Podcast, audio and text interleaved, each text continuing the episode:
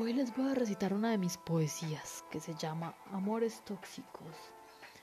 Habla de esos amores que se han dejado, que le desgarraron a uno el alma, que lo dejaron solo, pero que vuelven a los recuerdos por alguna razón desconocida.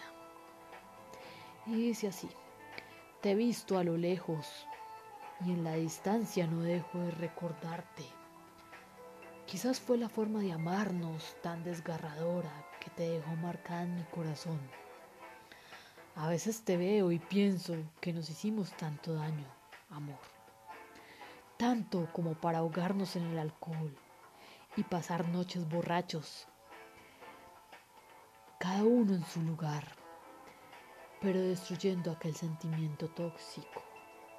El proceso de olvido fue largo pero ahora mi alma respira sin ti. No puedo negar que te deseé cada noche y cada ausencia.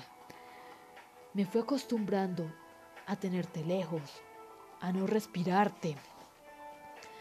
Siempre te dejé inconclusa y sin ideas para el futuro. Ahora sé que estás con alguien más y te pienso, porque necesito nuevamente que me desangres el corazón. A veces el dolor es bueno cuando se quedaría a destiempo.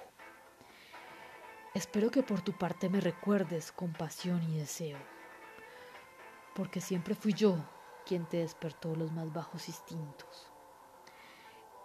Esperaré a que un día la lujuria te embarque y vuelvas a mí, en el hotel de turno, y por amor a ratos. Muchas gracias.